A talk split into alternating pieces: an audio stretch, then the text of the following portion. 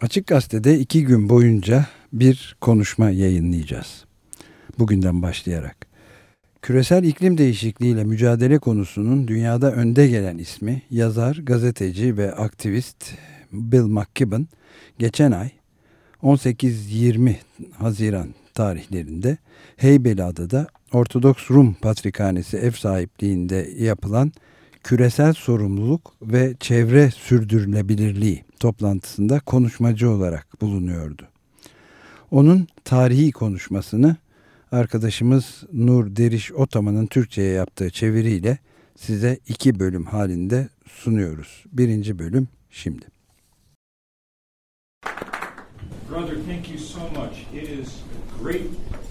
Çok teşekkür ederim. Burada bulunmaktan gerçekten çok hem de çok memnunum. Tabi Jane Goodall ve Krista Tibbett gibi iki konuşmacıdan sonra söz almak aklı başında bir insanın yapacağı iş değil ama ben bu yemek sonrası oturumunda elimden geleni yapacağım gene de. Gene de bir yandan sıcaktan, bir yandan baklavadan rehavete kapılıp arkanıza yaslanıp biraz kestirmek isterseniz hiç alınmam. Hatta anlayışla karşılarım.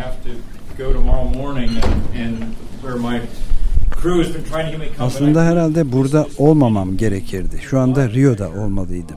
Yarın sabah da orada olmam gerekiyor ve ekibim de sürekli beni oraya çağırıyor ama bu toplantıyı hayatta kaçıramazdım. Bunun sebebi de Patrik cenaplarına ve Patrikhanenin diğer mensuplarına gerçekten medyunu şükran olmam. Bundan 4 yıl önce 350 org hareketini başlattığımızda benimle birlikte 7 üniversite öğrencisi vardı. Bizler iklim değişikliği etrafında dünyayı düzenlemek gibi olmayacak bir işe kalkışmıştık. Ne paramız vardı ne başka bir şey ve bu iklim değişikliği konusunda küresel çapta bir örgütlenme için yapılan ilk girişimdi. Adımızı Jim Henson'ın biliminden aldık. Yani Jim ve ekibinin dediği gibi milyonda 350 parçacığın atmosferdeki karbon açısından güvenli üst sınır olduğu fikrinde. İşte adımız da böylece ortaya çıktı. Ama dünyanın her tarafında insanlara ulaşmaya başladığımızda adımızdan başka da pek bir şeyimiz yoktu.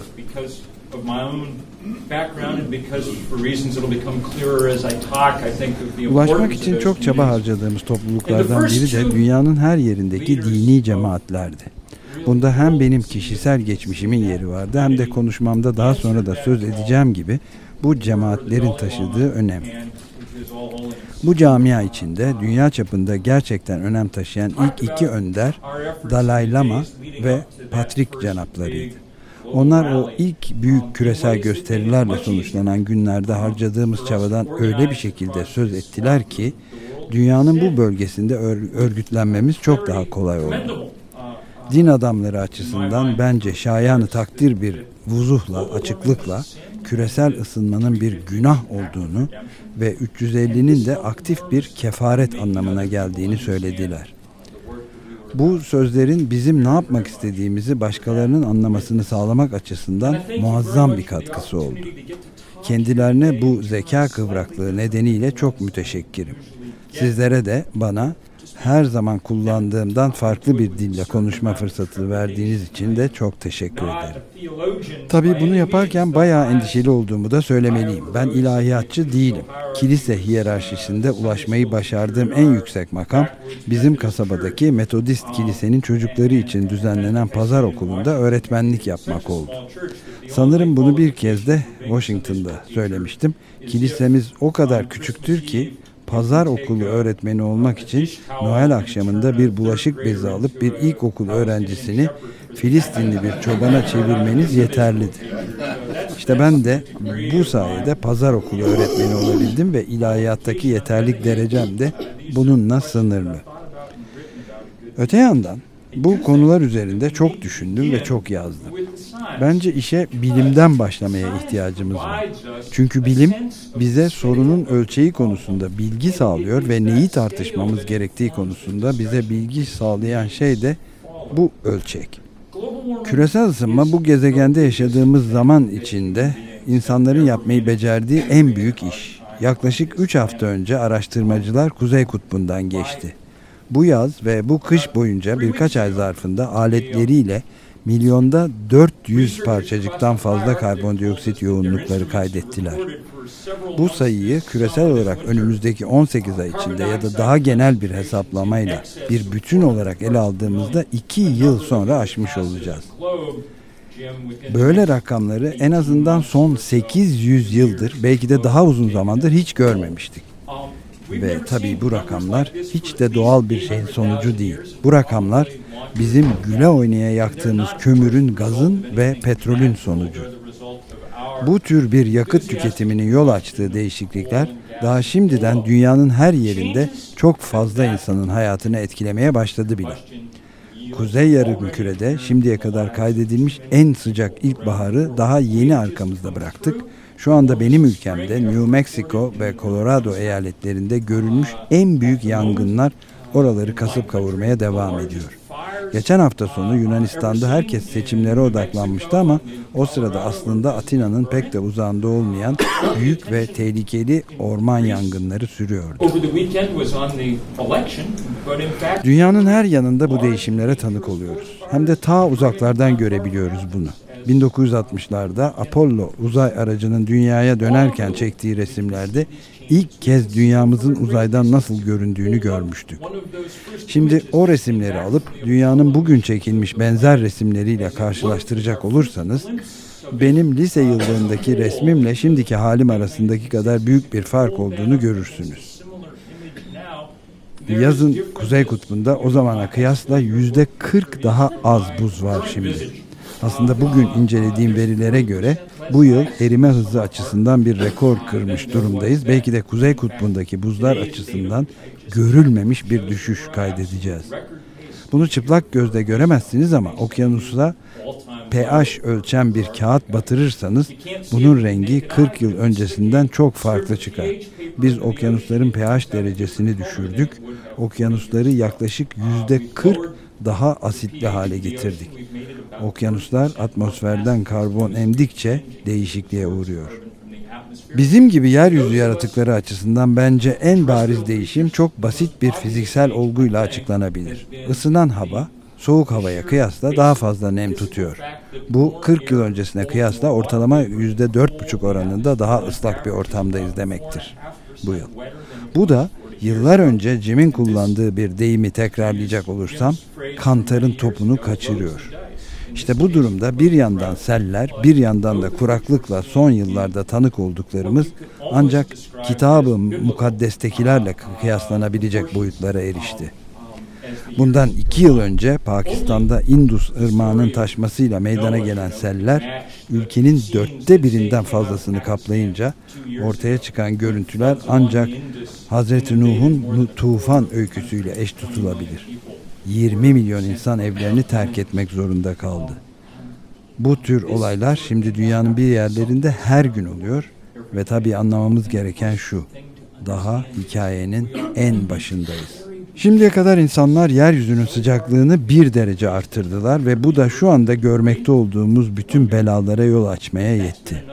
Bize bütün bunların olacağını ve bunların nelere yol açacağını anlatan ve bu konuda sarsılmaz bir görüş birliğinde olan bilim insanlarının vardığı sonuç şu. Bir an önce kendimizi toparlayıp harekete geçmezsek ve yeryüzünde hiçbir yönetimin hali hazırda planlamadığı kadar büyük bir hızla kömürü, gazı ve petrolü yakmaktan vazgeçmezsek bu rakam 100 yılın sonuna varmadan 4 ya da 5 dereceyi bulacak. Bunun büyük bir kısmı da yakında kalıcı bir şekilde gerçekleşecek. Bugün anladığımız şekliyle mevcut uygarlıklarımızın böylesine bir değişimle baş edebileceğini düşünmemiz için hiçbir sebep yok. Benim ülkemde Stanford'daki Washington Üniversitesi'nde çalışan bir ekip iki yıl önce yayınladığı bir çalışmada tam da bu sıcaklık artışının kuraklığı bir yana bırakalım, açlığı bir yana bırakalım, önümüzdeki yıllarda tarımsal üretkenlik üzerindeki etkisinin ne olacağını sorguluyordu. Tabi mısır gibi, buğday gibi, pirinç gibi ürünler Holosen çağı boyunca tıpkı bizler gibi evrildi ve bu zaman zarfında mevcut sıcaklıklarda rahatça yetiştiler. Ancak araştırmacıların buldukları sonuç bulunduğumuz noktada her bir derecelik artışın tahıl verimini yaklaşık yüzde on oranında azaltacağıydı. Burada hepiniz Dünya meselelerine vakıf insanlar olarak zihninizde bir harita canlandırıp 7 milyar insanın yaşadığı bir gezegende alınan kaloriyi %10 ya da %20 ya da %30 azalttığımız zaman neler olacağını düşünebilirsiniz. Hiç iyi olmaz. Bundan iyi bir şey çıkması mümkün değil. Bu şimdiye kadar insanlığın karşı karşıya kaldığı en büyük mesele.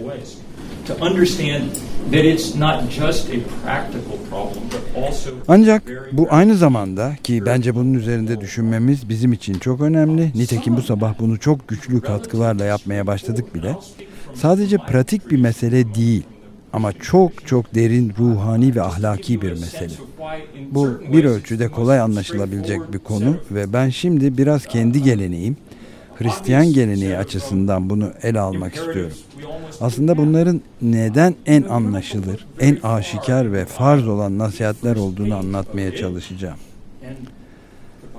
Aslında kitab-ı mukaddeste çok fazla arama yapmamız da gerekmiyor bunun için. Daha ilk sayfasında ki benim tecrübeme göre kitab-ı mukaddes çoğu kimsenin büyük ihtimalle ilk sayfasını ve son sayfasını okuduğu kitaplardan biridir. Kitab-ı Mukaddes'in daha ilk sayfasında dünyanın ne olduğu, Allah'ın yarattığı bu iyi şeyin ne olduğu konusunda bir görüşe sahip oluruz. Sonra bize verilen bir dizi talimat gelir. Yani ona özen göstermemiz gerektiği anlatılır. Daha açık ifade edilemezdi. Bu topraklara sahip çıkmamız istenir ve bu nedenle de bunu yaparken ferasetli ve dikkatli olmamız söylenir. Tıpkı çocuklarımız küçükken onlara sahip çıktığımız gibi bunu yaparken de ferasetli, dikkatli, temkinli ve şefkatli davranacağımız varsayılır. Onlara zarar vermemiz söz konusu değildir. Bu sahip çıkma işini kısa bir süre için başkalarına bahşedersek, diyelim ki bir akşam çocuklarımızı bakıcıya emanet edersek, o kişiye çocuklarımıza sahip çıkma hakkını tanıyoruz demektir. Eve döndüğümüzde çocuklarımızı bedenlerine dövmeler yapılmış ya da kulaklarına delik açılmış ya da kim bilir neler ne halde bulmayı bekleyemeyiz. Oysa bu gezegene çok kısa zaman içinde yapmayı becerdiğimiz şey işte tam da bu onu az önce anlattığım gibi öylesine akıl almaz şekillerde kullandık ki bu sahip çıkma görevimizi ya yerine getiremedik ya da öylesine beceriksizce ve bencilce davrandık ki şimdiye kadar bu görevimizde başarısız olduk. Eski ahitten İncil'e dönecek olursak bana öyle geliyor ki orada da bizden tam da aynı hasletler bekleniyor. Yani tek bir ders çıkaracak olsak ben İncil'i okumayı çok severim çünkü bu hikayede havarilerin adeta bizlerin yerine geçmiş olması hep dikkatimi çekmiştir. Bizim yerimize geçiyor olmalarının bir işareti de oldukça kalın kafalı görünmeleridir. Habire hikayede ipin ucunu kaçırırlar. Hazreti İsa'ya durmadan sorular sorarlar. Ne demek şimdi bu? Biz ne yapıyoruz? gibi. Hazreti İsa da başkalarına kıyasla çok daha ince bir mizah duygusuyla onlara aynı şeyi hatırlatır durur. Rabbini seveceksin ve komşunu da kendin gibi seveceksin. Komşunu seveceksin, komşunu seveceksin. Tekrar, tekrar, tekrar bunu söyler. İşte bu da yerine getiremediğimiz hem de berbat bir şekilde beceremediğimiz bir görev. İzninizle şimdi sizlere bunu kavramamı sağlayan kısa bir hikaye anlatayım. Ben bu sayede bütün zamanını yazmaya adamış biriyken şimdi öyle görünüyor ki bütün zamanını aktivist olmaya ayıran biri haline geldim. Gerçi bu işte ne kadar etkili olduğum tartışılır o da ayrı. Bir rapor hazırlamak üzere Bangladeş'te bulunuyordum. Bangladeş dünyanın en güzel ülkelerinden biri, yeryüzünde en sevdiğim yerlerden biri. Çok verimli toprakları var. Asya'nın o ulu kutsal ırmakları Ganj ve Brahmaputra Himalayalardan kopup gelir ve Bengal körfezine akar. Bildiğiniz gibi Bengal körfezinde sular uzunca bir süredir yükseliyor. Kıyıda oturan insanlar için tehlikeli şekilde yükseliyor ve buzullar da bir süredir eriyip gidiyor. Ben oradayken karşı karşıya oldukları sorun akuttu, kronik değildi. Dengi humması denilen bir hastalık ilk defa patlak vermişti. Bu hastalık dünyanın her tarafında yayılıyor. Özellikle de Asya ve Güney Amerika'da hem de büyük bir hızla son 10 yılda %200 oranında arttı. Bunun sebebi de hastalığı taşıyan sivrisineklerin bizim onlar adına inşa ettiğimiz sıcak, nemli dünyaya bayılmaları. Gezegenimize çok uzaklardaki bir samanyolundan bakacak olursanız ve atmosferi neden böyle değişime uğrattığınız konusunda faraziyeler geliştirmeye kalksanız oldukça akla yakın bir tahminle büyük ölçekli bir sivrisinek yetiştirme işine kalkıştığımıza ve bunu gerçekleştirmenin en iyi yolunun da bu olduğuna hükmedebilirdiniz. Her neyse benim orada bulunduğum sırada bu denge hummasından ölen çok sayıda insan vardı. Ben de teneke mahallelerinde epey vakit geçiriyordum. Bir süre sonra o musibet sivrisinek beni de soktu ve hayatımda hiç olmadığım kadar hasta oldum. Ama ölmedim çünkü oraya gittiğimde güçlüydüm, sağlıklıydım ve iyi beslenmiştim. Kliniğe girdiğim anı hatırlıyorum. Kocaman bir koğuş, bu salondan çok daha büyük eğreti yataklara uzanmış insanlar sıra sıra dizilmişler, titriyorlar. Bazıları ölüyor. Oradayken aklımdan çıkmayan düşünce bütün bu olanların ne kadar adaletsiz olduğuydu. Birleşmiş Milletler her ülkenin ne kadar karbon salımı olduğunu ölçmeye çalışırken oldukça farazi bir öneriyle bizim bunu bir gün sınırlamak için bir şeyler yapacağımızı varsayıyor. Oysa Bangladeş'te yaşayan 150 milyon insan için doğru dürüst bir rakam bile elde etmek mümkün değil. Yuvarlama sonucu bu hesap onlar için yanlış çıkmaya mahkum. O insanların çoğu araba kullanmıyor, elektrik şebekesine bağlı değiller. Bu onların kabahati değil.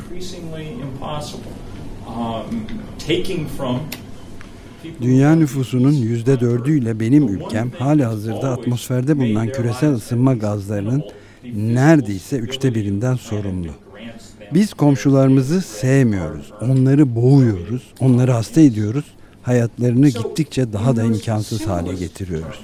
Yeryüzünde en az şeye sahip olan insanların elinden öteden beri hayatlarını hiç değilse sürdürmelerini sağlamış olan tek şeyi çoğu zaman binbir zorlukla kazanılmış ekmeklerini onlara sağlayan yeryüzünün fiziksel istikrarını alıyoruz.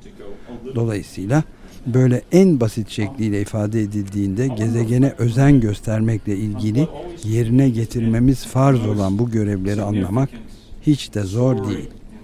Ancak konu bundan çok daha derine gidiyor ve bugün huzurunuzda tekrar ediyorum belli bir endişeyle de olsa konuyu biraz daha derinleştirmeye çalışacağım.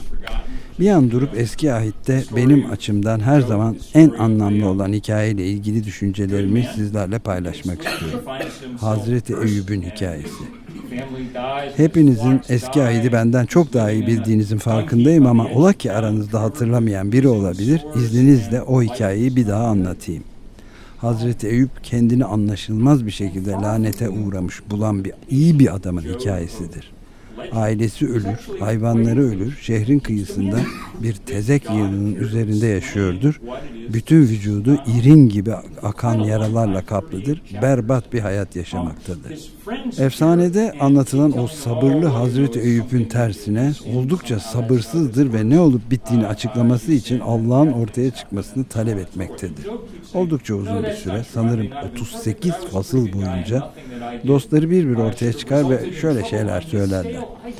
Bilirsin işte bir şey yapmışsındır, günah filan işlemişsindir. Bu yüzden bu belalar başına gelmiştir falan filan. Ama Hazreti Eyüp de ısrarla hayır bu doğru değil. Ben mükemmel bir insan olmayabilirim ama oldukça iyi biriyim ve yaptığım hiçbir şey böylesine bir belaya uğramama sebep olmamalıydı. Allah'ın bunu bana izah etmesini talep ediyorum deyip durur. Tabi böyle bir talepte bir anlamda neyi dilediğine dikkat et tarzı bir sınıflamaya girer. Çünkü Allah gerçekten ortaya çıkar. Bir hortumun içinden konuşur ve sanırım kitabı mukaddeste yani hem eski ahitte hem de İncil'de verdiği en uzun söylevi bahşeder. Harikulade, harikulade bir yazı örneğidir bu. Batı geleneğinde Doğu, doğa edebiyatının ilk büyük, muhtemelen gelmiş geçmiş en büyük eseri. Tabiat bilgisi açısından kesinlikle doğru, derin ve güçlü bir metin. Başka pek çok şeyin yanı sıra o ulu hayvanlar alemini ele alışını düşünün. Jane Goodall bu sabah konuşurken tam da bunu düşünüyordum. Hep de düşünmüşümdür zaten.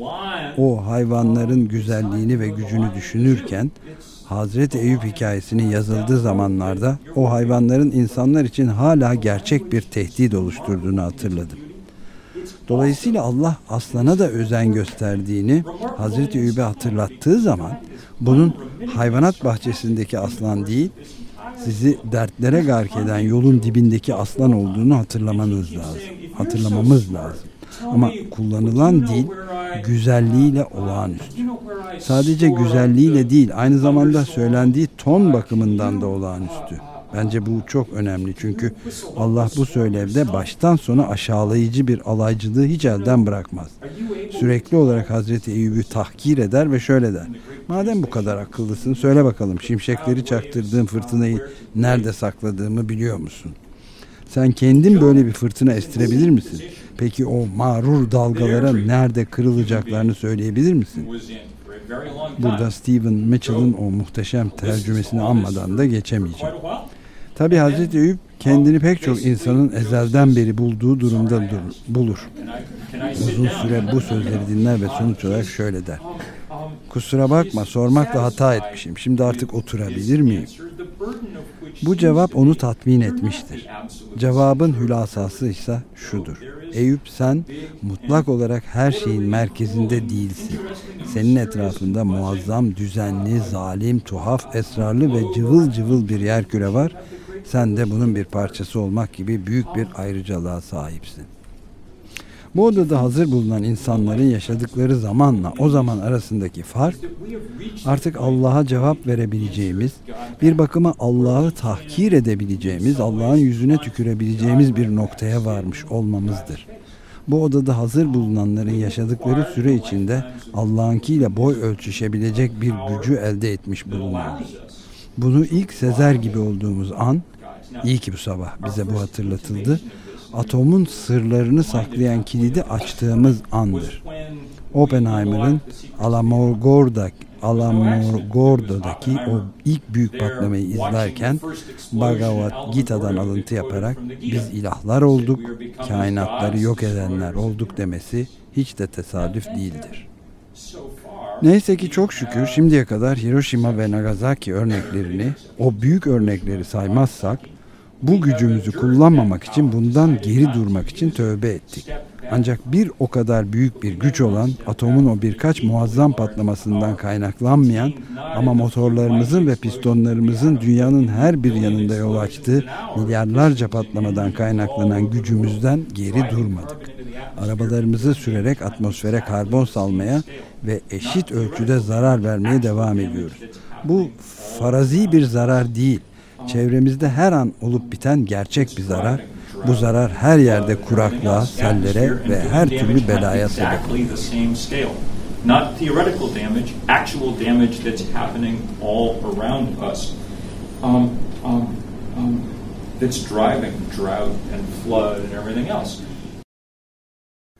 Geçen ay 18-20 Haziran tarihlerinde Heybeliada'da Ortodoks Rum Patrikhanesi ev sahipliğinde yapılan küresel sorumluluk ve çevre sürdürülebilirliği toplantısında konuşmacı olarak bulunan aktivist, gazeteci ve yazar Bill McKibben'ın tarihi nitelikteki konuşmasını Nur Deriş Otoman'ın Türkçe'ye yaptığı çeviriyle ilk bölümünü size sunduk. Devamını yarın sunacağız.